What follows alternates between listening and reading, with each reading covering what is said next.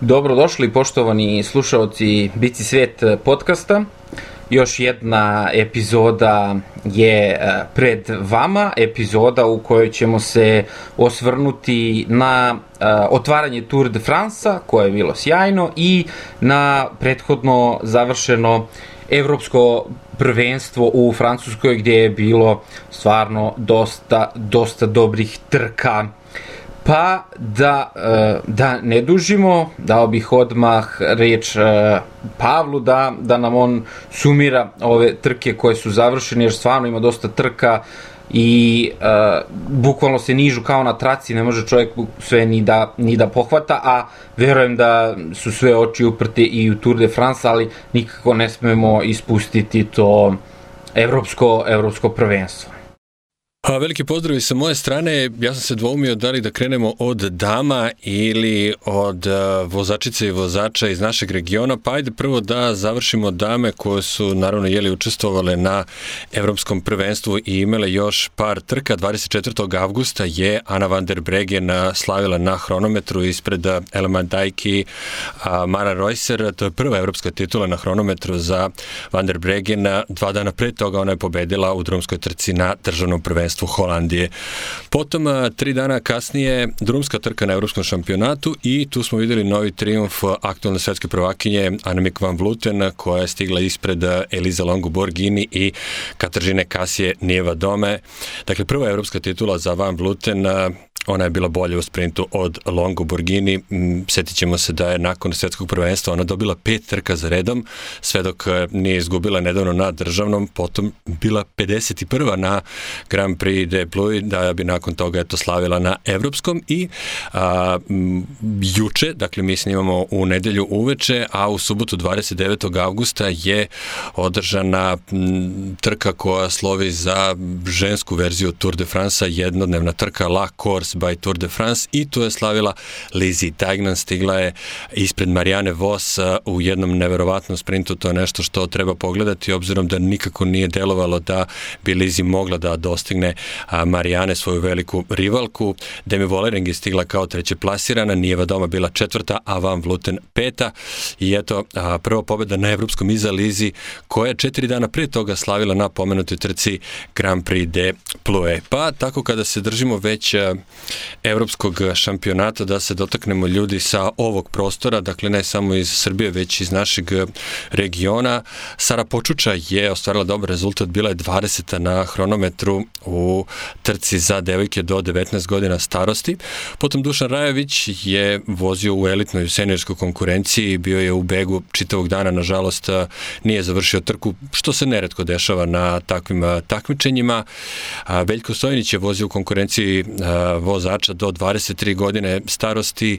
Nažalost, kao što se neretko dešava u biciklizmu, više sila je umešala svoje prste na poslednjem brdu na drumskoj trci a, a, mu je zaribao Wi-Fi zadnjeg mesa, menjača, pardon, pa je bio 69 i stigao odmah praktično iza glavne grupe. Ognjen Ilić je bio 19. na hronometru za momke do 23 godine starosti, potom iz Makedonije, odnosno zvanično jeli Severne Makedonije, Andri Petrovski je zauzeo 20 26. poziciju u, u seniorskoj konkurenciji.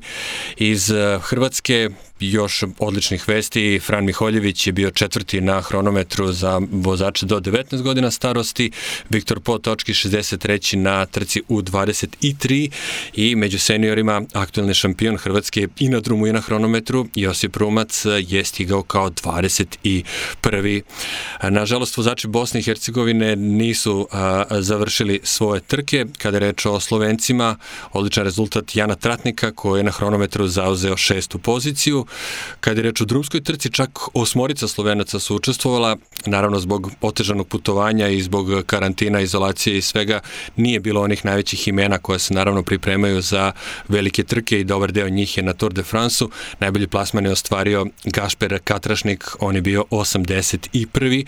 A kad je reč o trci za vozače do 20. godine starosti, Žiga Jerman je bio 21. Jaka Primožić 27. To je kada je reč o a, državnim i, i, i evropskim, dokle, odnosno trkama reprezentacija, o evropskim prvenstvima, a, odnosno nije kraj, pardon, dužni smo informaciju da je 26. augusta voženo, vožena a, drumska trka na evropskom prvenstvu. Giacomo Nicolo je bio prvi, to je njegova četvrta pobjeda ove sezone. Tri dana pre toga on je postao novi šampion Italije. Konkretno na evropskom šampionatu je stigao ispred Arnoa Demara, eto prilike kada nije slavio Arnaud Demar ove godine i takođe ispred Paskala Ackermana. Matthew Van Der Poel je završio kao četvrti, pretpostavljam da ćemo kasnije razgovarati o tome koliko je zapravo on snage imao, ali je slabo bio pozicioniran i možda još jedan put se dovodi u pitanje njegova taktička a, zrelost. A, potom a, par još manjih trka, ali treba ih pomenuti. Juče, odnosno 29. augusta, je vožen jedan klasik Druven Kors Oversje, slavio je Florian Senešal iz Quick Stepa, drugi i treći su stigli vozači Alpecin Phoenixa, Dries de Bont i Matthew Van Der Poel. Senešal ima 27 godina, ovo mu je druga pobjeda u karijeri. Današnja trka, dakle u nedelju 30. avgusta, Memorial Marko Pantani, njegovo 17. izdanje, odnosno 17. izdanje te trke, slavio je Fabio Feline ispred eh, Itana Hajtera i Aleksandra Rabušenka. Potom Bristol Classic eh, slavio je još uvek aktualni šampion Belgije, Tim Merlier, još jedan vozač Alpecin Phoenixa. Mislim da su se Belgijanci zbog pomeranja svetskog eh, prvenstva, odnosno za sada odlaganja, odlučili da odlože može i svoje državno prvenstvo, jer će to biti po okončanju Tour de France, pa će imati mnogo veći broj vozača priliku da se nađe na a, tom prvenstvu. Potom u toku je a, trka kroz Mađarsku, prvu etapu je uzeo Jon Aberasturi iz Kaha Rurala, drugu je osvojio Jakub Marecko, ona je vožena a, danas, treba reći da je Veljko Stojnić nakon a, prve etape bio na deobi trećeg mesta u poredku najboljih brdaša. A, potom a, u toku je i Baby Giro, odnosno izdanje Giro d'Italia za vozače do 23 godine starosti i za amatere, kako je to nekada bio slučaj. I prvu etapu dobio Alejandro Ropero iz Komete u podcastu sa a, nekadašnjim komentatorom Eurosporta. A, Svetom smo imali priliku da čujemo nešto više o Kometi, o timu praktično a, Alberta Contadora i stižemo do onoga što je sada najaktuelnije, odnosno uvek izaziva najviše interesovanja, a to je trka Nica-Pariz. Mislim da nije dovoljno raubovan taj fazon da se 107. izdanje Tour de France može nazvati trkom Nica-Pariz, je tako? Pariz-Nica je posljedna trka koja je vožena pred, pred izolaciju, pred početak kvadratnog stanja, a eto sada imamo obrnut redosled. Pre nego što pređemo detaljnije na prve dve etape tura i na sve ostale teme koje nas čekaju. Treba reći da utorak počinje 60. izdanje trke kroz Srbiju i još od vesti naravno veliko broja vesti koje su se pojavile poslednje nedelje, a ono što je važno za Tour de France jeste da je doneta odluka da a, oni koji budu pozitivni na virus korona na Tour de France će raditi i drugi test za svaki slučaj obzirom na sve veću pojavu takozvanih lažnih pozitivnih tekst, te, testova i to je svakako a, dobra vest obzirom da neće tek tako lako ekipe biti slane kući, već će to zaista ćemo imati prave rezultate a, da li je neko pozitivan ili ne. Da sumiramo sada mi naše utiske. Hvala Pavlu na, na ovom uh, pregledu. Stvarno je trka bilo bezbroj. Uh, ne može se to praktično sve ni ispratiti koliko se, koliko se odvija svega toga svakog, svakog dana, ali jednostavno evropsko prvenstvo, bez obzira što je pred nekoliko godina unazad se tek organizuje, svakako treba ispratiti jer je to velika prilika za manje nacije u biciklizmu kao što je i naša bila, pa je Rajović to na najbolji mogući način iskoristio da, da prošeta naš dres i da nas predstavi tamo u najboljem mogućem svetlu, a sada će nam Predrag subirati svoje utiske i reći, naravno, vama poštovani slušalci, šta ponovo da odgledati i šta je praktično tu uh, bilo stvarno najbolje trkanje od prethodne nedelje, pa ćemo onda nastaviti sa, sa Tour de France. Dobar dan i s moje strane. E, ono što jako je teško izdvojiti e, bilo koju trku, jer skoro u svakoj smo imali prilike da vidimo nešto e, nesvakidašnje, nešto neobično, nešto što nas je podizalo iz stolice i od takvih uzbudljivih trenutaka, a e, bilo ih je puno na jučerašnjoj prvoj etapi e, trke oko Francuske, o tome ćemo pričati kasnije detaljnije. Od svih ovih drugih trka preporučio bi da pogledate finiš ženske trke drumske na Evropskom prvenstvu. Ana Marie van Wilton je uradila jednu, jedan fantastičan posao i s obzirom na godine u kojima je i s obzirom na iskustvo i na užasno tešku stazu, imali su sve vreme kišu, a, pobegla je sa, sa italijankom napred, italijanka je taktički pametno nije htela da menja u određenim trenucima i pogotovo predodlučujući sprint i ovaj, taj sprint u toj, sve trke su završavane tim sprintom na brdu uz jednu popriličnu uzbrdicu Ane Marie je uradila fantastičan posao i pobedila na jedan veličanstven način. E, ono što je Pavle pomenuo, možemo reći kao i u svim sportovima i na svim mestima trka nije gotova dok nije gotova, to je Marijana Vos dobro videla juče, svi smo videli da je, da je ona pobednik tog klasika koji je vožen u okviru nekog, da ne možemo reći skraćeni Tour de France ženski, to je bukvalno E, e, klasik koji se poklopio sa Tour de France-om gde pokušavaju da, da iskoriste pažnju javnosti da se da i ženski biciklizam vozi na vrhunskom nivou. A, Marijana Vos je sebe verovatno videla kao pobednica, međutim Liza Dejnan je mislila sasvim drugačije i nije odustala kad smo bukvalno svi pored ekrana rekli dobro, gotovo, nema više, ajde sad zdravo. I a, odnela pobedu, verovatno će u, u, u svojoj bogatoj karijeri ovu pobedu stavljati recimo u prve tri ajde tako da kažem.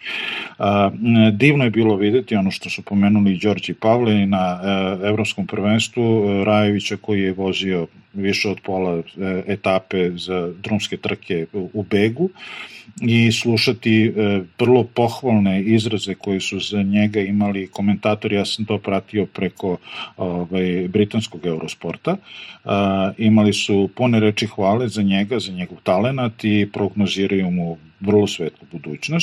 A, takođe sam a, e, imao prilike da vidim a, prvu etapu trke oko Mađarske juče, gde je Veljko Stojnić isto bio dugo, dugo u begu, pokupio silne poene na prolaznim ciljevima ne znam reč mađarskog, ali, bih, e, ali je lepo čuti naše ime koje, i prezime koje se ponavljaju na svaka 2-3 minuta i ja se nadam da ćemo u skorijoj budućnosti imati više takvih prilika za radovanje. Još jednom da pozdravimo Jeku, Jeku Erić, koja je nažalost zbog jednog testa na koronavirus, koji će se verovatno na kraju ispostaviti da je, što je rekao Pavle, lažan ili pogrešan test ili pokazuje lažnu pozitivnost, morala da pre, sam, pre nastupa u Francuskoj na Evropskom prvenstvu bude povučena iz ekipe i u, nekom kuckanju na Twitteru mi je rekla da je bila super spremna za, za drumsku trku, ovaj, međutim više sreće u nekoj drugoj prilici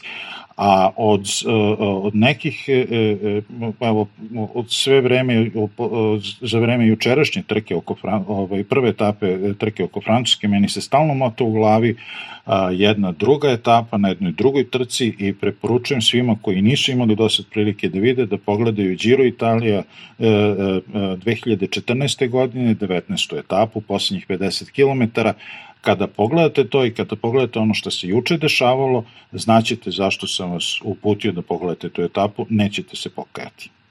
Dobro, hvala Svetioničaru na, na njegovim utiscima, on je to pomno ispratio. Ja samo isto da se složim sa tom da je ženska trka na, na evropskom prvenstvu, ženska drumska trka na evropskom prvenstvu bila apsolutno fantastična. To je bilo ono kidanje, bukvalno od kad su se uključile kamere, s, i, i još po lošem vremenu su vozile, znači dame su uh, zaslužile i rekao bih pokupile simpatije čitavog, uh, čitavog sveta. Giacomo Nizolo je slavio tamo na drumskoj trci muškoj, ali ona nije bila dovoljno nije bila dovoljno dugačka i teška, inače bi tu, čini mi se, Matthew Van Der Poel uh, to to rasturio, a pokušavao je, pokušavao je da rasturi i nije upošlo za rukom, trebalo mu je još e, malo kilometra, na kraju je uspeo da sprinta svaka mu čast. I četvrti je bio.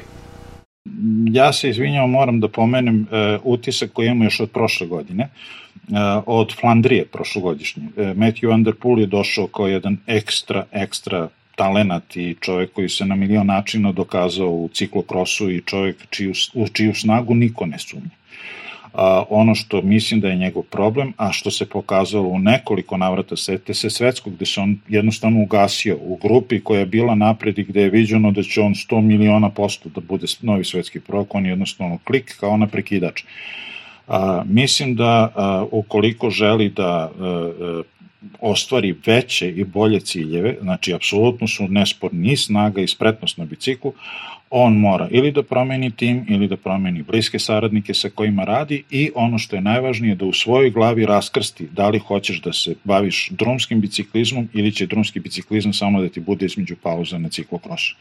Jer on je, samo sekund, Đorđe, ovaj, ovaj, e, završit ću ovog sekunda, znači, potiče iz takve genetike, iz takve priče, da sa takvim materijalom ne napravi više nego što je do sad napravio, jeste, časti često, uradio je fenomenalno Amstelovu trku koju je dobio prošle godine, ali ja sam lično očekivao od njega mnogo više što se tiče konkretnih rezultata. Uh, htio sam samo da se nastavim na Matthew Van Der Poola. Uh, da naš insider, Bici svet insider, a to je uh, Jelena Jelić, čiji podcast možete poslušati, uh, već smo ga objavili, epizoda 40. Ima mnogo Nemaca u toj njegovoj ekipi, evo sad i nemački šampion je iz Alpecin Phoenix tima i treći uh, čovjek je iz Alpecin Phoenix tima i ona kaže da jednostavno njihov feedback, što se tiče Matthew Van Der Pola, je da se dečko, dečko traži žrtvu za trkanje na svakom treningu. Znači, svakog dana, bukvalno što Svetioničar kaže, ne, nezreo je, bukvalno, toliko je jak da nije svestan svoje snage, a samo bi se takmičio i samo bi se trkao. I toga praktično posle košta i na trkama što vidimo. Znači, to se... Rasipa se, rasipa se skroz i ono što, što je malo ljudi primetilo i malo ljudi je to ovaj, potenciralo, a jeste trebalo pomenuti, kad je Nicola osvojio titulu prvaka u onom finišu, prvo ima je fantastičan voz, drugo, Balerini koji mi je bio posljednji u vozu je blokirao Matthew Van Der Poola da ne može da prođe s leve strane ograde, uz ogradu i tu je uh, Matthew Van Der Poel izgubio jedno dobrih metar i po dva da se pomeri skroz u desno, da zaobiđe balerinija, da onda može da nastavi da sprinta, što je u takvom jednom sprintu, u takvoj jednoj konkurenciji uh, apsolutno presudno. Ono što je ta trka takođe pokazala Ackermanu ove godine ne, sija, ne, ne sija kako treba, uh, to što je uzeo dve, dve etape na trci u Rumuniji u jednoj vrlo skromnoj konkurenciji, može da zavara nekoga, ali evo pravi rezultati na pravim trkama, na velikim trkama pokazuju da to nije to. Mislim da je on, njemu je verovatno dosadno na nekim drumskim trkama koje traju previše za... Izvini, govoriš o Matthew Van Der Poelu. Tako je, pardon. A da verovatno ume da mu bude dosadno na drumskim trkama za njegove godine, a, a želi neku veću, drugačiju aktivnost i ono što ne krije jeste da želi da bude svetski šampion u svim mogućim disciplinama. I sad nekako on dok to ne uradi, pitanje je kada ćemo to dočekati i koliko će se zapravo posvetiti drumskom biciklizmu. Možemo da napravimo jedan podcast posvećen samo njemu, stvarno ima materijala i materijala da se priča o njemu, ali e, mislim da stvarno sve može da se svede na to. Prvo u svojoj glavi mora da razreši šta želi, možda da promeni tim, ali ja mislim da on sad čvrsto vezan ugovorom najmanje tri godine unapred, ako se ne varam. A, I to će kad bude izašao iz, iz a, a, Phoenix Alpecina e, već imati 29 godina, znači ono puna fizička zrelost za biciklistu, do tad bi morao da nauči da ne pravi neke početničke greške, da vuče kad ne treba da se vuče, da prepozna kada je krenuo u napad, da taj napad nije uspeo. On krene u napad, ode 15 metara napred, nekoga markira i on sad očekuje da će neko da ga menja. Pa neće, nije lud tu da se nadovežem na tebe, baš to, kao klinac je, kao klinac je. Sad je izašla reportaža uh, sa Nemačkog državnog prvenstva, Nemci kako su inače brzi, čekali smo šest dana da izbace tu reportažu, ovaj PS Team uh, Turingen, gde vozi inače jedan dečko iz, iz mog lokalnog kluba, pa zato i pratim, ali stvarno je super, dečko je bio četvrti, stalno ga pominjem, uh, ti, Tom Linner, uh, gde on vozi i zato, zato i pomno pratimo, oni imaju super reportaže, gde na sastanku, na početku trke, gde imaju najboljeg čoveka ko, za koga rade na, na, na drumskoj trci i kaže ovaj šef, kaže, ako te budem video, bukvalno ovi rečima, ako te budem video na tvom vahu kompjuteru, da trošiš 500 vati, da se šetaš kroz grupu, od vozača do vozača, uzet ću ti biciklu, nećeš više da voziš. znači, to je bukvalno to što pričaš o Matthew Van Der Polu. Znači, to je to, on se dečko, on, sad čas ću da sprintam tamo na brdu, ovamo na brdu, i tu rasipa snagu. Još jedna stvar, evo sad si, sad si me podsjetio kad si pomenuo ovaj, sa, sa Jelenom uh, podcast i kad je rekla da on bukvalno u svakom sekundu na biciklu traži da se takmiči, ali od, ono, do krvi, do smrti da se, da se takmiči s nekim. Uh, mislim da nije samo odnos on i nemački deo ekipe. Evo baš na, na, na evropskom prvenstvu uh, Holandjani su postali, poslali jednu prilično šerenoliku ekipu zato što je većina vozača bi se spremala za neki dan za Tour de France, nis, nis, nisu bili tamo. A, ko mu je pomagao? Ko je pomagao Matthew Van Der Poel? Pomagao mu je brat, koji je realno, što se druma tiče, pitanje je da li realno za Continental tim, a ne za Pro Continental, pa da pratiš još jednog od najboljih možda vozača današnjice najjačih. Niko drugi. Svi su se vozili u nekom vozu i kada je bilo najgušće odjednom nikog nigde. Znači, to je kao na onom uh, pari Rubeu kada su padali kancelara i Sagan i onda Sagan krene sa kancelarom da vuče i dođe ju, brat Jurej da pomaže, nigde nikog iz tadašnjeg Tinkofa. Znači, tu nešto među ljudima nije kako treba. E, I zato, ajde da ostavimo Matthew Van Der Poel za, ne, za neku drugu priliku, stvarno možemo da pričamo o njemu ho, ho, nego da možda da se posvetimo jučerašnjem otvaranju Tour de France-a i pa u doslovno rečeno mini masakru koji smo imali prilike da vidimo. Evo, Đorđe, evo tvori ti.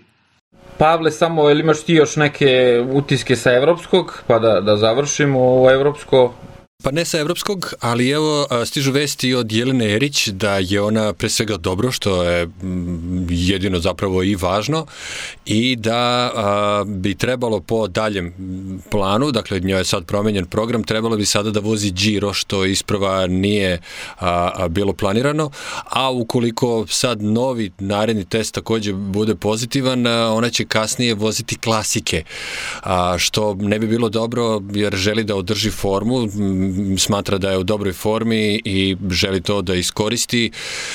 Ja iz najsebičnih mogućih razloga bih takođe voleo da je vidim na klasicima, jednako naravno kao i na Džiru, naravno ona mnogo bolje zna šta je dobro za njenu karijeru i šta želi da uradi, ali eto, stižu upravo vesti da je dobro, da eto čak može da kaže za sebe da se dosađuje, da jedva čeka nove rezultate testa i da bi trebalo po novom programu da vozi Džiro. Odlično. Super. Odlično. E, izvini, molim te, jednu rečenicu, još jedan vrlo, vrlo, vrlo negativan utisak sa evropskog prvenstva.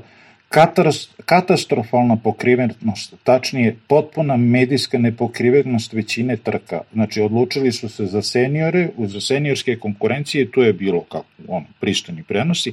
Sve drugo, drugo, trka uh, za mlađe od 23 godine ni, ničega, ni, ni uživo tikera nekog, bar tekstualno prati šta se dešava na trci, imali su nekog čoveka koji je stajao na, na, na, ovaj, na cilju i povremeno opali po jednu fotografiju i kaže beg je 3 minuta ispred grupe, ni znaš ko je u begu, ni znaš ko je na početku grupe, ništa ne znaš šta se dešava. Znači, potpuni mrak. A, razume bi da je to neko takmičenje lokalnog tipa, gde nema se para, nema se ovo, nema se ali ljudi, ako ste se već pri, ovaj, odlučili da pravite a, evropsko prvenstvo, pa izvini, ispratite ga kako treba. Ono je baš apsolutno katastrofa. Tu što ti vidiš, tu se tačno vidi e, razdor između Svetske i Evropske biciklističke federacije. Znači, bukvalno svi trče u krug. Znači, Evropska biciklistička federacija je jedno, Svetska UCI je drugo i sad, ajde što više da organizujemo, daj sve u Francusku, dva i državno Francusko i Grand Prix Ploa i Evropsku i sve na gomilu i to što ti kažeš, znači, jednostavno nisu mogli sve da isprate. I plus, evo, i Tour de France u Francuskoj, sve sad u Francuskoj, i, i zato, zato je propusti, zato, zato propusti. Ali ajde da krenemo, ajde da krenemo na tur, svi smo, jedva smo ga dočekali, jedan smo dočekali taj Tour de France 2020.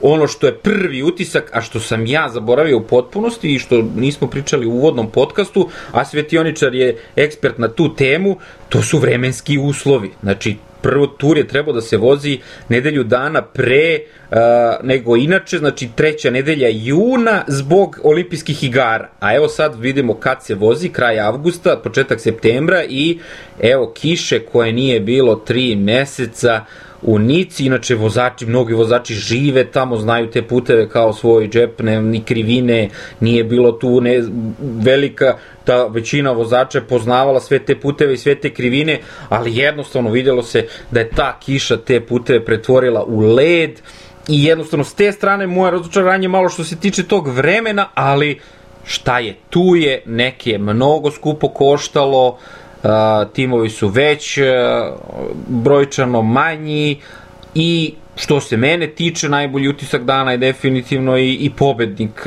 dana i Aleksandar Kristof koji je ono najbolji kada je kada je najteže, evo, prepuštam sad reč vama. Pa, baš ono, bili su juče, juče su bili norveški uslovi za vožnju. Znači, vlažno, kišno, mračno, klicavo, čovjek se tu najbolje snašao, tu nema šta. Kaži, Pavle. A, ok, mogu, ajde mogu ja, nije problem. Ovaj, e, što se mene tiče, e, prvo, što je rekao Đorđe, e, koliko dobro ti ljudi e, koji su, koje smo juče gledali na trci, koliko dobro poznaju te e, ovaj, puteve kojima je juče išla trka, Sagan živi u tom kraju, Caleb Joan živi u tom kraju, svi oni, njima je redovna tura dnevno 60, 70, 80 km bukvalno po tim. Ali isto tako što je rekao Đorđe, trka se odigrava u, u periodu godine kad može lako da kvrcne, kvrcnulo je nažalost na pogrešnu stranu. Ja sa strahovanjem razmišljam o tome kako će biti voziti u gore u Dolomitima Giro, po, po kiši, po, po niskim temperaturama, kako će biti uh, vožnje kroz neku listopadnu šumu kad krene da opada lišće na tone koje se, koje se još i nalaži od kiše.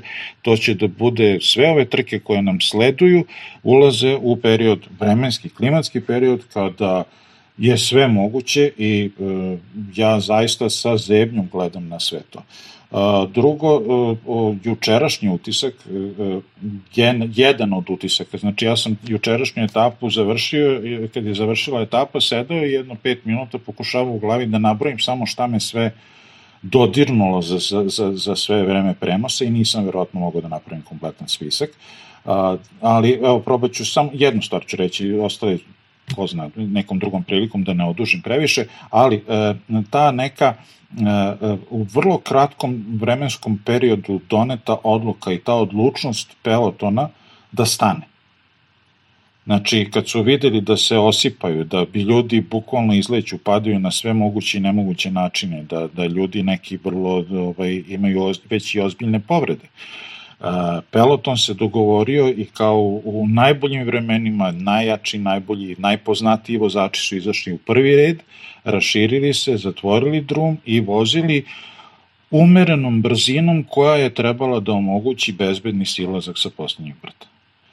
Ono šta su pokušali da urade e, vozači Astane, meni malo nejasno, A, I a, e, to je a, e, ono što a, otvara Pandorinu kutiju, a, e, a to je pitanje, izvini, ko u tom trenutku treba da reaguje? Da li to treba da se ide na dobru volju vozača i pamet vozača? I imali smo prilike da vidimo da je tu bilo jedno 70-80 pametnih koji su rekli, ok, čekaj da se, da se dočepamo ravnice pa ćemo da se trkamo.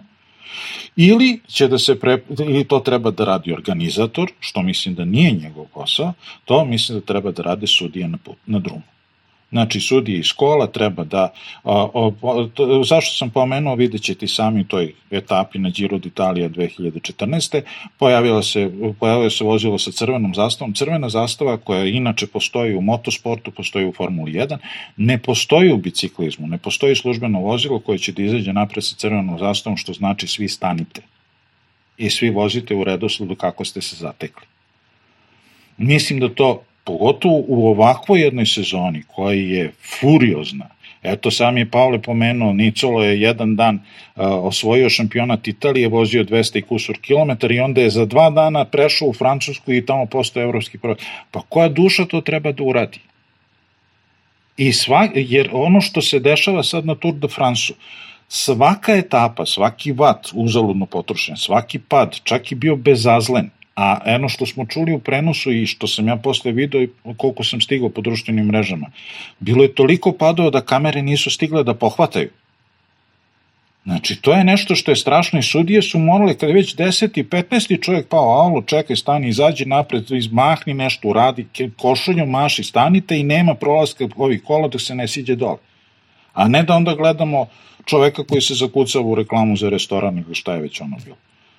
Znači, to je, možemo da pričamo nadugo i naširoko na, o, samo o ovoj temi, ali ajde, Pavle, kaži ti šta, šta je tebe, ovaj, šta je tebe bio utisak juče? Pa hajde da odmah ostanemo vezano za tu temu, jeste kakva takva reakcija da li UCI-a ili organizatora, odnosno ASO-a kao najvećeg ili tu nekog tela u biciklizmu, jesu ovi a, dušici, ove barijere po, po, po, po, po bedemima, po drumovima, koji su reakcija na Remkov pad i na druga neka dešavanja, koji su po, po izletanjima vozača koje smo imali priliku da vidimo na drugoj etapi postavljani na strateški izuzetno, izuzetno dobra mesta. Kada je reč o samoj ovoj sezoni, nekako situacija u svetu je da se ipak ne opuštamo i realno je viša sila, nije sad svetski rat, ali dobro je da imamo bilo kakvo trkanje. U prirodi sportista i vozača jeste da se takmiče da idu maksimumom, da možda pod opterećenjem i sponzora i na kraju krajeva usled sportskog žara žele da pobede, ali nekako kao da eto upravo si treba i oni da znaju da ajde da svi stignete na cilj živi, pa umeđu vremenu da se takmičite gde je to moguće. Upravo si, sećam se u prethodnim podcastima si pričao za to lišće i tu zaista a, ćemo vidjeti šta će se tu a, dešavati. Kad je reč o glavnim utiscima, a, izvini, kaži. Ne, a, samo sam teo, pošto a, dotakli smo se te teme, nažalost, ja stvarno nisam teo da povučem podcast na ovu stranu, ali evo za vas dvojicu jedno pitanje.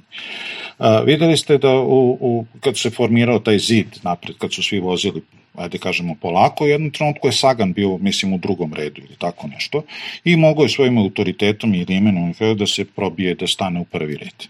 Svi znamo da je Sagan fantastičan spustaš i pogotovo je totalno lut kada se spušta po kiši. Ja sam gledao, na, ne sećam se, mislim, na jednoj Romandiji, da se spušta sa 85 km na sat niz mnogo strmije i mnogo ružnije krivine nego što su bile juče. A, E sad on izađe napred i u jednom trenutku mu krkne, kaže ja sam ovdje došao se trkam, da gas, dok se ostali opasuju, on je već napravio 50-60 metara prednosti, nikome ne čita krivine, ode, d, d, d, i uzme etapu. Šta bi svet pisao o tome, šta bi peloton mislio o tome? Nije uopšte, nije uopšte sporno to što kažeš, ono, trkanje i nizbrdo, to je ravnopravno trkanje, svakako, to, to je bilo, e, to smo videli i od Fruma. I zašto sam ovo napomenuo? Reci. Zato što nas 80, koji smo, ne znam, na nekom delu etape, smo rekli, e, pogibeljno je da vozimo u sulu do brzo krivina, ne, ne zanima nas trenutno plasman, ajde da se polako spustimo s brda, loši su uslovi za vožnju, pa ćemo dole da vidimo jedno kad je posle Kosefro ili ko je već bio od Francuza pobegao napred, to je bilo sasvim ok, već u ravnici, ajde da se trkamo. Ali zašto je onda u redu da ti voziš polako, ali zato oni koji su ostali 2, 3, 5 minuta iza, koji po istom tom drumu voze, lupe pedalu i sve snage i priključe se pelotom. Znači, nije mi, sa, njih, sa te strane mi nije okej. Okay.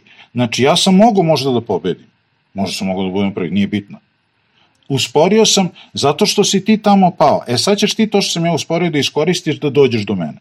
A evo obojice mašu rukama samo da vam kažem, da jedva čekaju da dođu do reči, ali ne može. Znači, to, ovaj, to, je, to je upravo ono što sam pričao. Kao, kao što imamo na klasicima situaciju, ode beg, pređe prugu, naiđe voz, spusti se rampa, peloton mora da stane, beg mora da stane da se održi barem 5 sekundi plus minus gore dole da se održi ta ista razlika. Mi smo juče gledali, eto na kraju kraja taj Nicolo, Koliko puta smo videli da neko izgubi kontakt na 50 metara, pa se to podrži na 150, pa na 300, on je na 800 metara bio, rastavljao se sa dušom. Na kraju je bio ovaj učesnik e, finalnog ovaj, sprinta. Caleb Ewan imao 7 minuta skoro za ostatka. ko je, kako je on suludo onda trebao da vozi, bez obzira na, na usporenu vožnju Palotona, da bi stigo, da se usput, da se usput ovaj, skucao negde ko bi bio kriv. Kaži, Pavle. Pa toga ima i u formuli, toga ima u svakom sportu i to je prosto nemoguće uraditi i ajde tim ljudima, tim učenicima koji stižu od, sa strane od pozadi dopustiti da ipak tako urade.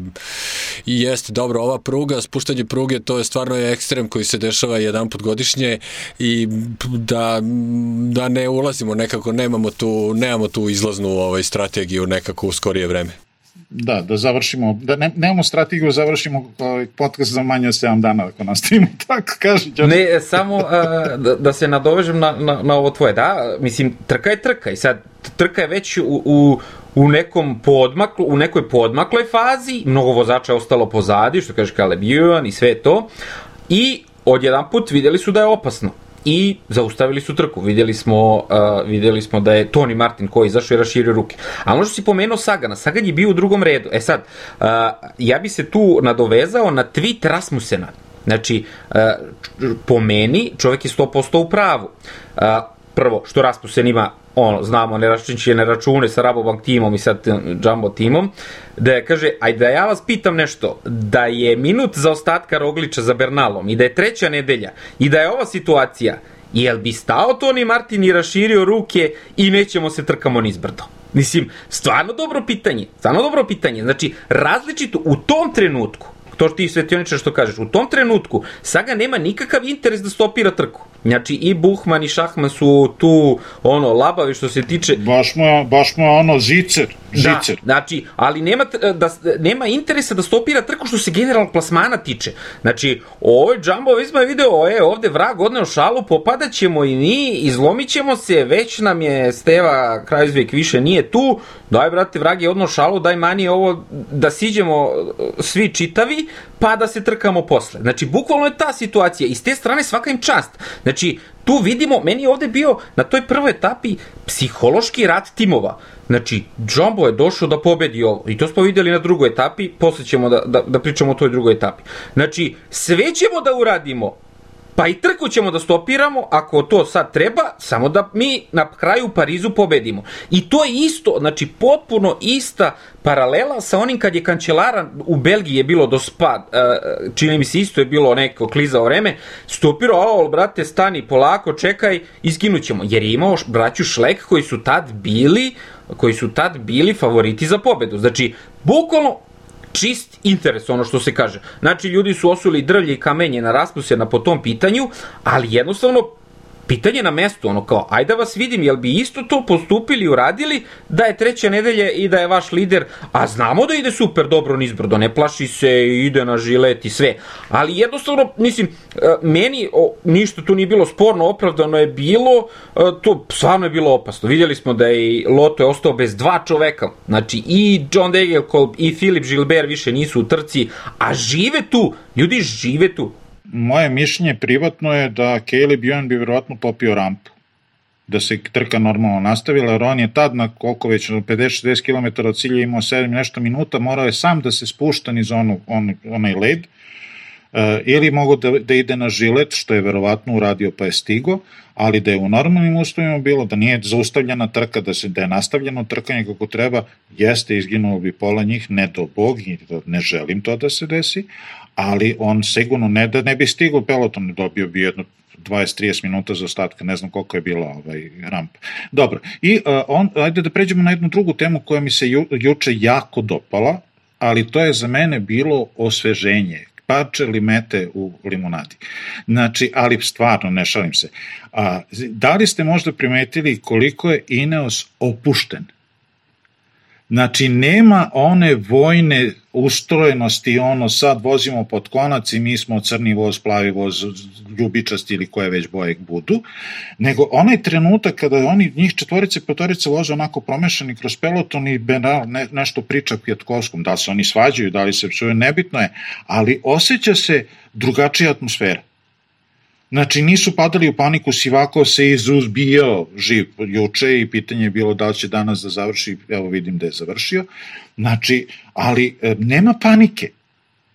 nema vidljivih znakova nervoze, nema podvikivanja, mahanja rukom, ne znam čega sve bude kada, kada tako ne ide nešto u nekom, u nekom timu. Meni se to jako dopalo i jedva čekam da vidim kako će da se nastavi.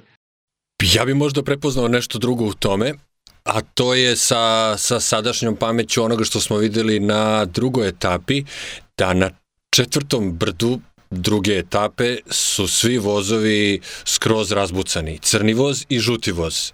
Dakle, nema tamo ni, ni jednog. A, vidio sam jednu interesantnu situaciju kada je Ala Filip a, napao, a neko od vozača Jumbo Visme je krenuo sa tu da skače, pa se okreće pa gleda, pa kao da pita, e, jel skačemo šta radimo? Toga, recimo, kod Ineos apsolutno nema. Ništa, oni spuste glavu samo na svoj kompjuter i teraju dalje, a svi okolo mogu da skaču i da rade šta hoće. Pobednik nije onaj ko ponese žutu majicu na drugoj etapi, nego na 21. A nekako a, i danas smo videli već na, na, na, na nekom usponu da je Ineos spao na trojicu vozača možda četvoricu. Žuti su se držali gore i dalje, imaš ti šestoricu pod konac.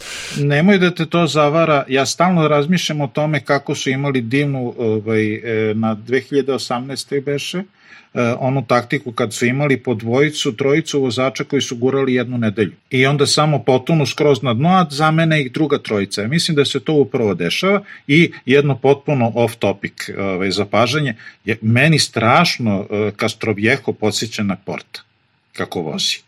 Znači, i po figuri, po obliku glave, telu, na, stavu koji zauzme na, na ovaj, bukvalno iz vremena kad je Porte, Porte, Porte vozio za Fruma. Strašno mi liče. Hoćemo da hvalimo malo pobednika, mislim šta da kažemo o Kristofu čovjek, nema, nema bolje, rekao bih, nije mogao bu, da bude bolji pobednik eh, prvog dana, osim Sagana. Ali Sagan opet u pet, znači koja je on sigurica, opet je u prvih Sagan je u pet, ja sam ja sam ovaj, e, uradio jedan screenshot, ovaj, e, nećemo da, on neće biti ovaj, e, podcast o Saganu, ali uradio sam jedan screenshot jednog trenutka na 200 metara od cilja. Sagan ne prati ni čitočak sedi kao sam cvet na livadi. Znači, oko njega 5-6 vozača, svi su na metar i po oko njega i on vozi sam. Kako uspeva na 200 metara od cilja to da uradi, ne znam, ali ima utisak da u poslednje vreme više obraća pažnju na to da ga neko ne gurni da ne padne tu u cilju, nego da, da pošto po to juri. Obratite pažnju kad Viviani njega izguruje iz voza. Znači, Viviani mu dolazi s desne strane i bukvalno ga pipne ramenom, nije ga još ni dotakao, Sagan koči i ostavlja mu mesto. Saga nešto sprema za ovaj Tour de France, to je pokazuje i na današnjoj etapi i ono što sam napisao bio na Twitteru, Sagan je vozio ceo Dauphiné, gde nije bilo jednog metra za sprintera. Ja nešto mislim da on napada neku brdovitu etapu ili da nešto radi što će, što će verovatno biti mali iskorak od onoga što smo do sad viđali kod njega pa ne verujem da je iskorak jednostavno borba za zelenu majicu ponovo, da pokaže ja sam taj, ali za to na ovom turu ima mnogo težih zadatak jer ima mnogo više brda, ono što i Pavle rekao u prethodnom podcastu kad smo najavljivali tur, 50 koliko kilometara se ide uzbrdo, što to, to nikad u, u životu nikad u životu nije bilo. Uh, ono, ja bih se samo još malo vratio na, na ovu prvu etapu i, i na ove padove. Videli smo ono više, rekao bih da je teže sad nabrojati vozače koje nisu pali nego koji su pali. Ono, manji je, manji je broj njih.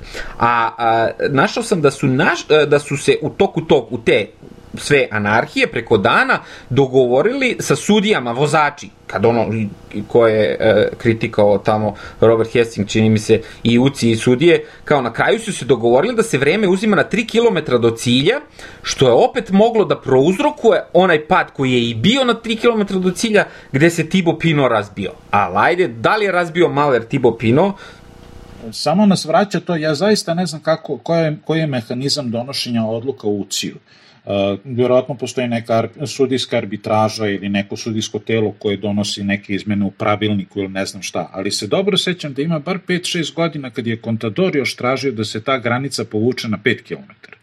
Jer mi sad na Tour de France imamo najmanje 7-8 ekipa koje ne da nemaju pretenzije na sprinterske etape, nego nemaju ni jednog sprintera. I to je već 7 puta 8, 56 ljudi koji uopšte ne moraju da učestvuju u toj gužvi, u tom krkljancu da se uđe u 3 km. I samo sa takvom odlukom ja verujem da bi primetno pao broj tih udesa u, u posljednje 3 km gde je bukvalno bio koliko je bilo na jedno 50 ljudi u karambolu. 5 minuta posle prolaska kroz cilj su ljudi prolazili još. Pre pobednik, posle pobednika su prolazili ljudi. Mislim da se tu videla uh, snaga i iskustvo Ineosa. Setite se koliko su oni vukli. Oni do 2950 metara do cilja su prvi i misliš da će da sprintaju. Kako prođu 3 km, tu negde padaju.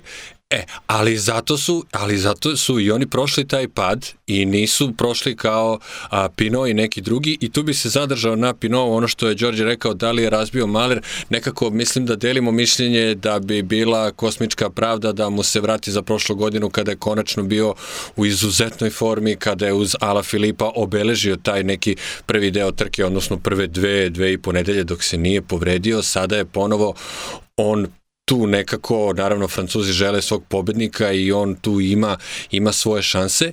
Međutim, ja bih istakao ono što smo mi videli u ta 3 km dok su se oni vraćali. To, a ono što vezujemo za njega jeste psihološka nestabilnost. On je pričao sam sa sobom, svađao se sa zamišljenim protivnikom, ponašao se kao italijani onako u filmovima kad drži onako pa objašnjava. Slično smo videli i na Dauphineu na poslednjoj etapi kada je shvatio da, da je da je izgubio. I da li takvim stavom može čovjek da dobije, znači to je bilo na trci koja traje 5 dana, da li on možda dobije trku koja traje 25 dana, ako on na prvoj etapi, ako, neko, ako nema neko ko će njemu iz automobila da kaže, deco, dobri ste, ušli ste u 3 km, molim vas, samo se dokotrljajte do cilja, sve u redu, razgovarat ćemo, ajde prespavamo, pa ćemo da idemo dalje, nije ništa strašno, preživeli ste, niste izgubili vreme, možda kaže, pazi, lomili su se i ovaj, i ovaj, i ovaj, niste ništa gore prošli nego neki drugi, nekako mi to nedostaje, njegov govor tela nije dobar od Dauphinea do ove ovde etape. Nekako kao da on nema taj ubilački pobjednički mentalitet. Ono što me jeste obradovalo od Dauphinea do Tour de France jeste onaj njegov jedan tweet koji je pobednički, ratnički, da kaže idemo, krećemo, znači nema tu sad više, on je sad ljubitelj domaćih životinja i ovo i ono dobra duša, nego je rekao idemo, mi sad osvajamo, mi sad to radimo. Međutim, događaj pre i posle tog tweeta sveta mi na, nažalost ne, ude, ne, ne ulivaju nadu da bi on mogao psihološki to da izdrži. Kad si pomenuo Pinoa i njegove mogućnosti, e, upravo si potpuno, neko ko nije mentalno užasno jak, e, ne može da dobije ovu trku. Svi pobednici u posljednjih 10, 15, 20 godina, svi možda su imali neko, i neko zrno ludila, ali su bili svi ekstremno mentalno jaki. Za sve pritiske, i e, meteorološke, i takmičarske, i štampa, mediji, e, ogroman je pritisak na svakom francuskom vozaču, oni od 80 neki nisu uzeli Tour de France. A, s tim e, što e, ono što e, nažalost Pinoa će i ove godine ostaviti bez žut, bez trofeja, bez pobede, je to što nije dovoljno što se okružio švajcarskom gardom. Stefan Kung je ekstremno dobar hronometraš i ekstremna mašina, on je meni sad u rangu Toni Martina iz najboljih dana. Ali on ti neće moći pomoći u brdima. Reichenbach kao pomoć u brdima meni ne uliva poverenje. I ono što sam video na nekoliko komentara na nekoliko portala. Pino ili da menja tim ili da tim počinje da se gradi za njega. Znači da se dovedu dvojica, trojica tipa Amador, e, Vinera na kona, neko ko će da te dovuče do 2000 metara do nekog žešćeg planinskog cilja, pa u tih 2 km ti pokaži ko si, šta si, šta možeš. Ovako, nisam siguran da on može da se izbori sa svim ovima, pogotovo sa pametno odigranim ekipama. Znači, tu je u potpunom zaostatu.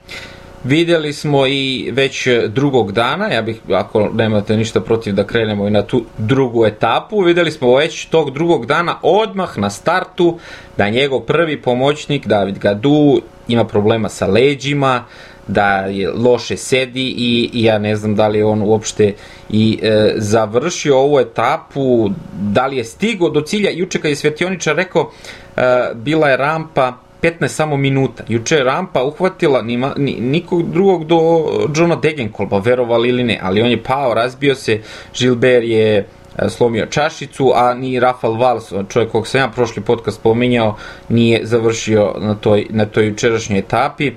Tako da a, vidjet ćemo, danas je poslednji vozač bio Caleb Juan, pola sata za ostatka, ne znam sad kolika je da rampa, da li će to opet da se, da se uh, skrati. Ali drugi dan, druga etapa, još više brda i opet Sagan pun gas od prvog uh, kilometra borba za bodove, ono što je Svetioničar rekao, vozio je ceo do fine, znači žestoko se pomučio u brdima da bi mogao da se bori upravo po brdima za, za te bodove.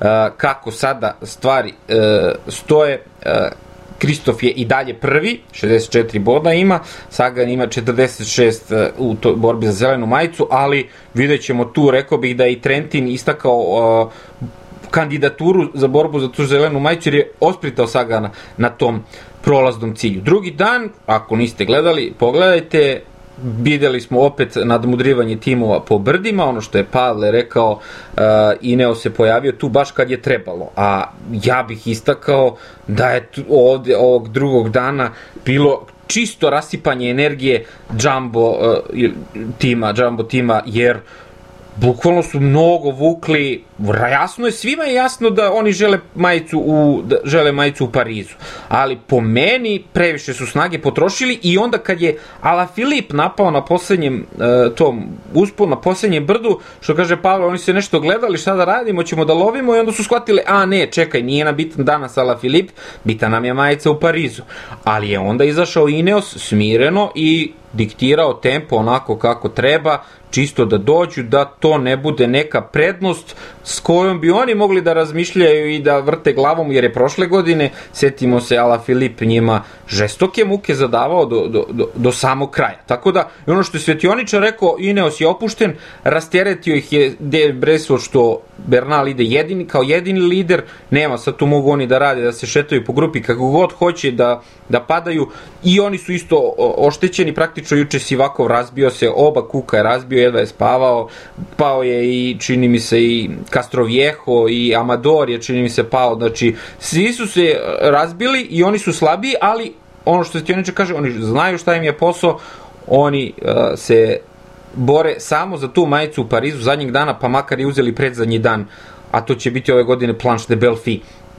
Tako da, smo ovde videli da oni apsolutno znaju šta rade. Znači, to je sa njihove strane bilo super, evo neka Jumbo nek vuče, nek radi šta hoće, mi ćemo vozimo našu trku i to je ono, svaka, svaka čast. Što se mene tiče, moj najveći utisak, eto, ove, ove današnje druge etape, evo, izvolite sad. Hvala Filip, definitivno u jako dobroj e, formi, jako dobroj formi u, u poslednje vreme, u ovom nastavku sezone. A, možda nije u onoj formi od prošle godine, ali videli smo, kao što smo videli koliko je Kristofu značila pobeda Ala Filipu još više značilo, ona reakcija na cilju. To je nešto što definitivno nam uh, najavljuje sjajnu zabavu za naredne dane.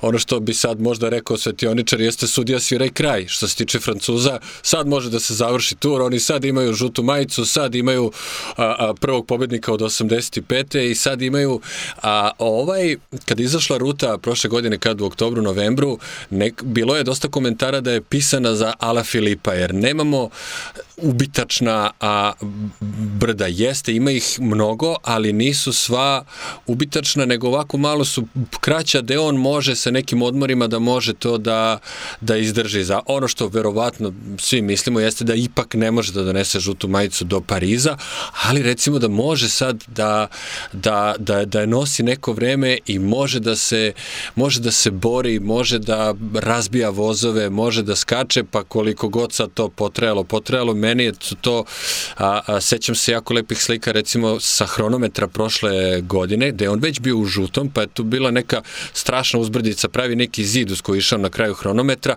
on je stigao tu, ti bi sad očekivao da on tu lipše i da bude na izmaku snaga, da bude potpuno iscrpljen, on je tu igrao, plesao, zezao se, skakao, bio je na apsolutno, ne na 110, na 130 to su svoje mogućnosti i mislim da bismo to mogli ponovo da gledamo i to je sjajno. Ako imamo donekle učmali Tour de France poslednjih 10 godina usled pojave vozova, a, a mislim da se to eto sada drugu godinu za redom menja i to su jako lepe vesti, pa neka vozovi odlučuju u trećoj nedelji, a do tada ajde da vidimo ove skakavce neka jeste. Tako da su to eto sjajne vesti, vidimo koliko sam zapravo potrudio da na ovom turu bude u francuskoj zastavi, tomu nažalost nije pošlo za rukom, a eto francuski šampion nije došao, videli smo već na Twitteru neke ocene da bi on možda, da bi Arnaud Demar juče, odnosno na prvoj etapi slavio kao od šale, znajući u kakvoj je formi, ali ajde, to sad nema veze.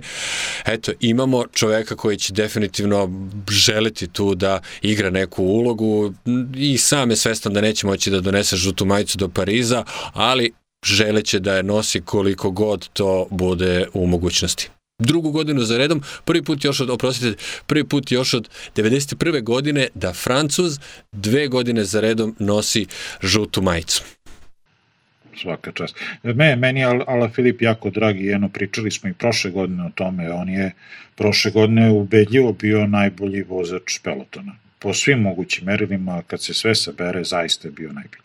A, nešto mu nije, eto ima i taj nesrećni slučaj u porodici, da li je ili loše podešena ovaj, tak, ovaj, forma, kako je probao ta dva, tri meseca izolacije, pitanje nekome valjci stvarno nisu prijali.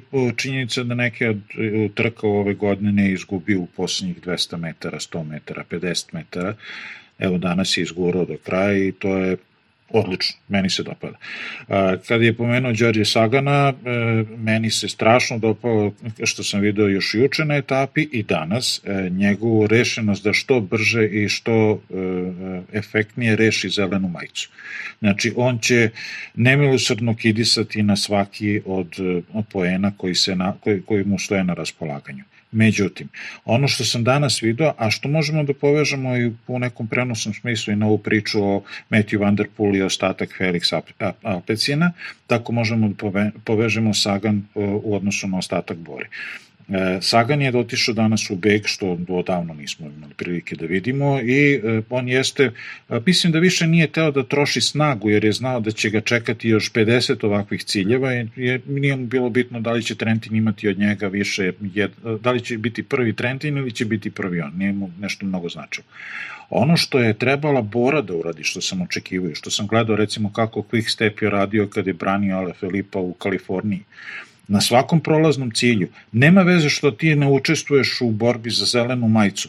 Ti ideš, sprintaš da bi suparniku tvog kolege iz tima oduzeo bodove. Znači, ja sam očekivao, mogao sam ruku u vatru da dam i bio sam bukvalno ajde zdravo kad sam vidio da Šahman i ne pokušava na, na, da, da uzme ostatak bodova, da uzme što više. Znači, to je nešto zašto postoji tim tim treba da te podrži. Ne mora da te podrži tako što će neko da ti stalno bude uz tebe, ali da uradi posao koji će tebi da donese neku korist, direktno ili indirektno. To je danas izostalo. I samo da kažem dve rečenice o jumbovizmi. Jednom sam rekao, ponavljam, Jumbo je najveći protivnik vizme. Znači, te potpuno sumanute odluke, pogrešne taktike. Ja sam danas teo da izljubim ekran kad sam vidio da se Rogla sam od sebe povukao na kraj grupe, jer je vidio tamo je Bernal. Što bi se kidao ja da vučem napred, ne vučem, ne jurim mala Filipa, ne znači mi ništa, meni je Bernal glavni protivnik i ako Bernal odmara, ja ću da odmaram. A, a na, na, ovaj, na kontu toga, prošlo, jučerašnji dan, koliko je te, ment, pričali smo o mentalnoj snazi, e, svaki posao, svaki fizički, sportski, bilo kakav, ment, ovaj, e, e, e, e, ajde sad, edukativni, oduzima strašno mnogo mentalne snage što se odrazi na telo. Pogledajte danas po suvom sunčanom danu koliko je bilo besmislenih padova. Kako je pao Martiz, pa, Martinez, nasadio se na ono ostrovo. Kako je Dumulan pao? Ako ne padaju deca kad uče da voze bicikl. Znači, to je, oni su premoreni mentalno došli na današnju etapu. Dobro su i prošli kako su prošli. Kaži, Đorđe. Uh, ovo što si pričao za Sagana, to smo i čuli i od Jelene, u, opet ponavljam, devojka ima inside informacije iz Bora tima, da je jednostavno Sagan otpisan od Bora tima. Ono što ti kažeš, Šahmana ne interesuje Sagan uopšte, to se vidi, to je ono jasno ko dan, ono kao dečko ti idi radi šta hoćeš za tu majicu, mi, mi brinemo o, o, o nam. Znači to, to, je, to je evidentno i to je stvarno jednostavno tužno, tužno zagledati, tužno zagledati. Uh, krenule su dva vozača u beg bore i videlo se ova ide na, na, na brda, a Sagan ide da izgura svoju borbu, svoju borbu za zelenu majicu. Tako da, s te strane, vidimo se Nemci, evo, ja sam tu kod njih, znači ne menjaju oni svoj način razmišljanja, može da se desi šta god, tako da svetioničare ti možeš da tupiš zube tu koliko god hoćeš, ali Sagan pomoć od Bore dobiti neće. Evo, skupljam dobrovoljne, skupljam dobrovoljne priloge da formiram biciklistički tim koji će biti oko Sagana. Evo, pustit ćemo Pavla i Đorđa da voze kao njegova podrška i da vidite kako ćemo da razbijemo tur moje ulice. E, šta, sa, šta bi se ja još uh, nadovezao tu što se tiče Ala Filipa, Znači, Ala Filip, koliko god je prošle godine sve funkcionisalo, toko ove nije. To smo videli kako je izgubio San Remo, kako je vozio i na Dauphineu srčano, ali ono, i, i ono što i Pavle pričao za Tiba Pinot, ta odlučnost koju vozač treba da ima da to da, da to što je zamislio sprovede do kraja, to smo danas videli kod Ala Filipa. I tu nije bilo ni jednog trenutka sad, ja sam mislio da će Hirši možda moći nešto da uradi, ali onda kad sam vidio kako Ala Filip za, ulazi u završnicu, spreman ko zapeta puška, znači nije bilo šanse. Hirši je neiskusan, zato što prvi put dolazi, je svetski šampion, za vozače od 23 godine, ali prvi put dolazi on na cilj sa Ala Filipom i Jejcom. Jejc, isto smo videli na Dauphineu da nije baš u toj formi i on se nije ni nadao nekoj pobedi, odmah je odustao. Ali Ala Filip, to je to. Ovo je moje.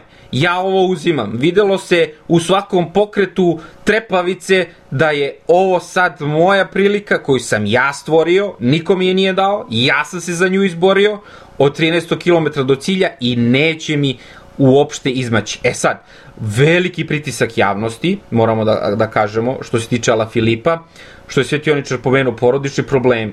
Druga stvar, a, Ala Filip, a, Ala Filipa muči ljubavni trougo francuske, znači a, pravimo podcast tu a, kao neku dopunu svim ovim našim a, gledanjima biciklizma, Ala Filip je u vezi sa Marion Rousset, koja radi za francusku televiziju i prenosi Tour de France, a koja je bila udata za Toni Galopena. On je sad, bio je vozač Loto Sudala, sad je, uh, sad je vozač La Mondiala i nisu ga poveli na tur. Možda je dečko stvarno u sjajnoj formi, ali uh, taj ljubavni trogo, ona se razvela od Toni uh, Galopena u februaru, čini mi se, ove godine i tek onda je to moglo da bude javno, da se obelodani ta njihova ljubav i možemo da vidimo sad i na Instagramu ta ljubav cveta, ali to je ogroman pritisak i što se tiče javnosti i naravno svega ostalog bio na Ala Filipa i to je ostavilo veliki trag.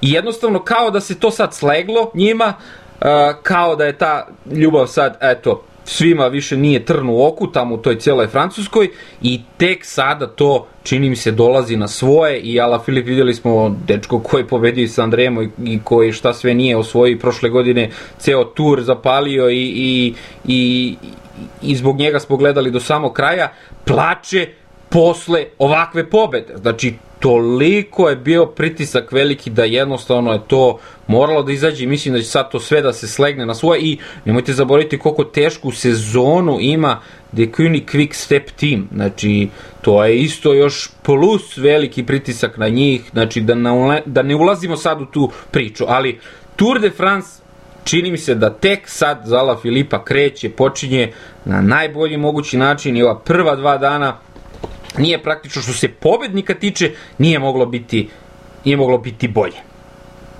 Je vam bilo neobično kad ste videli da Quickstep vuče na poslednjem brdu? Ja rekao, da sam zaspao, da sam prespavao četiri etape, Quickstep vuče uz brdo, to mi je potpuno bilo nekako nesvakidašnje, a drugo prvo što sam pomislio kad sam vidio da Adam Yates skače, rekao skače napade dok još možeš jer od sledeće godine on će biti deo crnog voza i neće biti takvih reakcija na, na napade i neće više biti takve vožnje, već kroz koji mesec zapravo?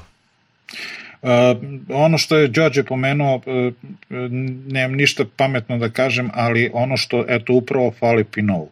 Uh, Ala Filip je danas na etapi pokazao jasan plan, jasan cilj, odlučnost i samopouzdanje.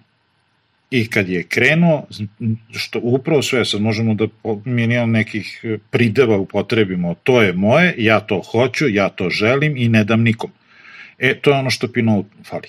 Znači, Pinot je bez, bez svake sumnje fantastičan vozač, e, talenat, e, zna da napadne fenomenalno, startan je na brdu, što je jako mali broj brdaša može da uradi, što on može da uradi. Ali on nek, neki konac njemu fali i ne može da se poveže i ne može da, da, da, da bude ono što je Ala Filip mogu da bude, on je sad u, u, u žutu majicu, sve, verovatno svestan da neće do kraja trke držati tu majicu, ali on će svakog dana kidati zu, rukama, nogama, zubima da, da, da odbrani to i uh, u pravom je timu, uh, quick step, šta god da se dešava među njihovim vozačima. Oni su apsolutno uigrana podmazana mašina, u svakom trenutku zna ko šta radi, kad jedan ispadne, zna se ko upada, ko menja, ko... znači on je miran. Kad se uh, Frances de Joux raspadne, on mislim na mentalno, fizički, na nekom brdu, ne možeš da ih sastaviš, ne možeš da ih pokupiš. Tako da je tu ogromna ta razlika i zato, eto da se vratim na Pinoa, ne verujem. Volo bi da, ah, ne verujem da bi mu bila i uteha da bude samo na podijumu. Tako da od francuskih snova osvajanju Tour de France mislim da ćemo da sačekamo još.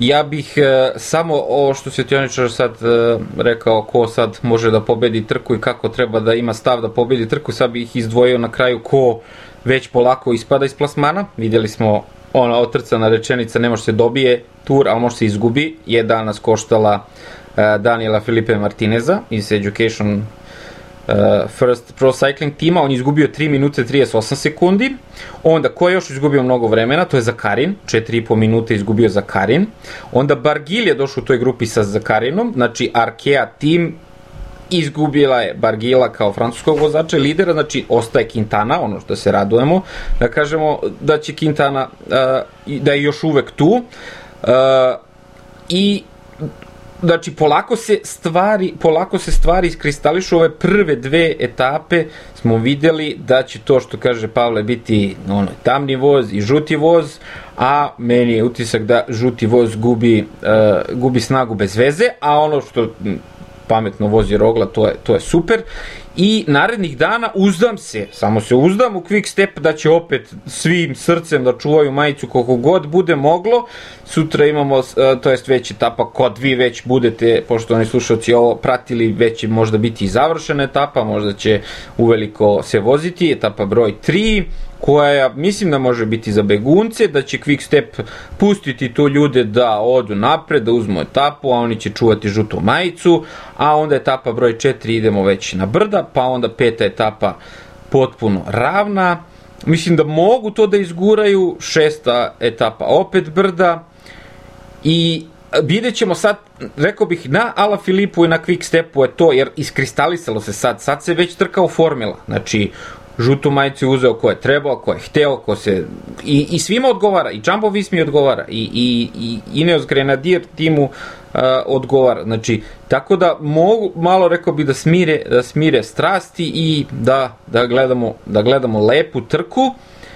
A mi ćemo plan je da snimimo podcast, da snimamo podcaste četvrtkom i nedeljom, da bi negde po tri etape koje su uh, bile mogli da, da prepričamo, da ispričamo i da možda najavimo naredne tri, pa opet posle da se vratimo na, na te tri etape, da ih, e, da ih e, sumiramo i prepričamo, da bi moglo to da se, da se sluša kad budu, uh, kad budu dani odmora. Uh, to je neki plan, naravno tu ćemo biti uvek kao zapete puške pratiti trku ako se nešto nepredviđeno desi, nadamo će, će se sad malo stvari smiriti jer polako generalni plasman dobija dobija težinu i, i izlaze timovi koji treba tu uh, koje treba da gledamo na, na čelu karavana. Sad, uh, još neka vaša zapažanja što se tiče ovih narednih etapa ili još nečega što je, što je bilo, a nismo rekli, a vredno je pomena? Mm, sigurno će biti još brdo tih nekih na koje ćemo se povremeno vraćati, koje po, možda smo danas i propustili. E, imali smo zaista jedan eksplozivni početak Tour de France e, koji sudeći po rasporedu etapa i konfiguraciji terena e, neće se smiriti tako skoro, tako da će biti materijala i materijala, pa ako bude zatrebalo vratit ćemo malo filmu nazad, ali za sad bi to bilo to. Ja imam jednu baš, baš, baš kratku opasku. Jeste videli uh, pad Naira Quintane u sredone velike grupe i kako kao... Op... Zečić, kao zec je skočio odmah. Apsolutno, nikad ga nismo videli takvog u životu. On je uvek nekako flegma, uvek je u slow motionu, uvek je nekako... Međutim, ovde je kao jedan pauk odma kao oparen skače nazad na bicikl. Loptica skočica. Apsolutno, jako lepo, zaista treba da, potražiti. Da, da, da, da, da. Mislim da je Svetioničar to šerovao, da, lako će se to naći. Iskočio je bukvalno, bila je neka malo jača krivina u desno, bila gomila vozača oko njega. On je iskliznuo, pao na desni bok, odskočio i skočio na bicikl i nastavio. Znači sve je ukupno izgubio za sekund i po. Znači ono, kad gled, bili smo oni, gledali smo one neke klipove gde na brzinu u CX-u uh, menjaju bicikle, skoče s jednog skoča pa, pa, direktno na drugi, ovo je bilo vrlo slično, to je bilo simpatično. Eto. Bilo u čitavo onoj gužvi, ništa nije čekao da se kao nešto raziđe grupa pa će na tenane, nego apsolutno. Ne, ne, ne, ne, samo je džipio nas bicikl i nastavio dalje. Znači svaka čast bilo eto. Sjajno, sjajno. Da. Jedini pad na kojem sam se nasmeo juče. Znači, sve ono bilo ostalo tragedija, ali zaista i katastrofa. Ja stvarno taj pad, nemojte me pogrešno razumeti, ja stvarno doživljavam lično, mene boli kad oni pad. Ali ovo što se Quintani desilo, stvarno bilo simpatično, smešno i ok, lepo je videti. Dobro, da privodimo kraju, da vas podsjetimo da nas lajkujete, da kliknite subscribe ako nas pratite gde nas već pratite. Mi uh, uveliko radimo da ovi naši podcasti budu i na, na, drugim, uh, na drugim ovim audio platformama, ali treba pratiti i biciklizam, treba ići na posao, treba malo ispavati, tako da uh, ne zamerite nam, podržite nas, kliknite like, kliknite subscribe, pitajte nas, razmenite s nama naše mišljenje, e, vaše mišljenje gde gotovo vama odgovara, na kojim, e, na kojim to e, platformama vam odgovara. I E, to je to što se tiče to što se tiče ovog e, podcasta. Naredni, najavljujemo za e, 3-4 etape i onda će to biti i e, kasnije ritam na po tri etape e, da snimamo podcast i da sumiramo utiske sa ovogodišnjeg tura. Kreće tu naravno i trka kroz Srbiju, to ćemo se truditi da ispratimo na YouTube kanalu, se nadam da će biti još par nekih interesantnih kadrova, nemojte to propustiti. Uh, Tireno će krenuti, to ćemo imati za te, uh, Tireno će biti praktično start i cilj, čini mi se da je baš na, na dane odmora kada je, uh, kada je to na turu. Ali, uh, toliko što se tiče u, u ovom podcastu i prijatno do, do narednog podcasta. Pozdravi od mene. Ćao svima.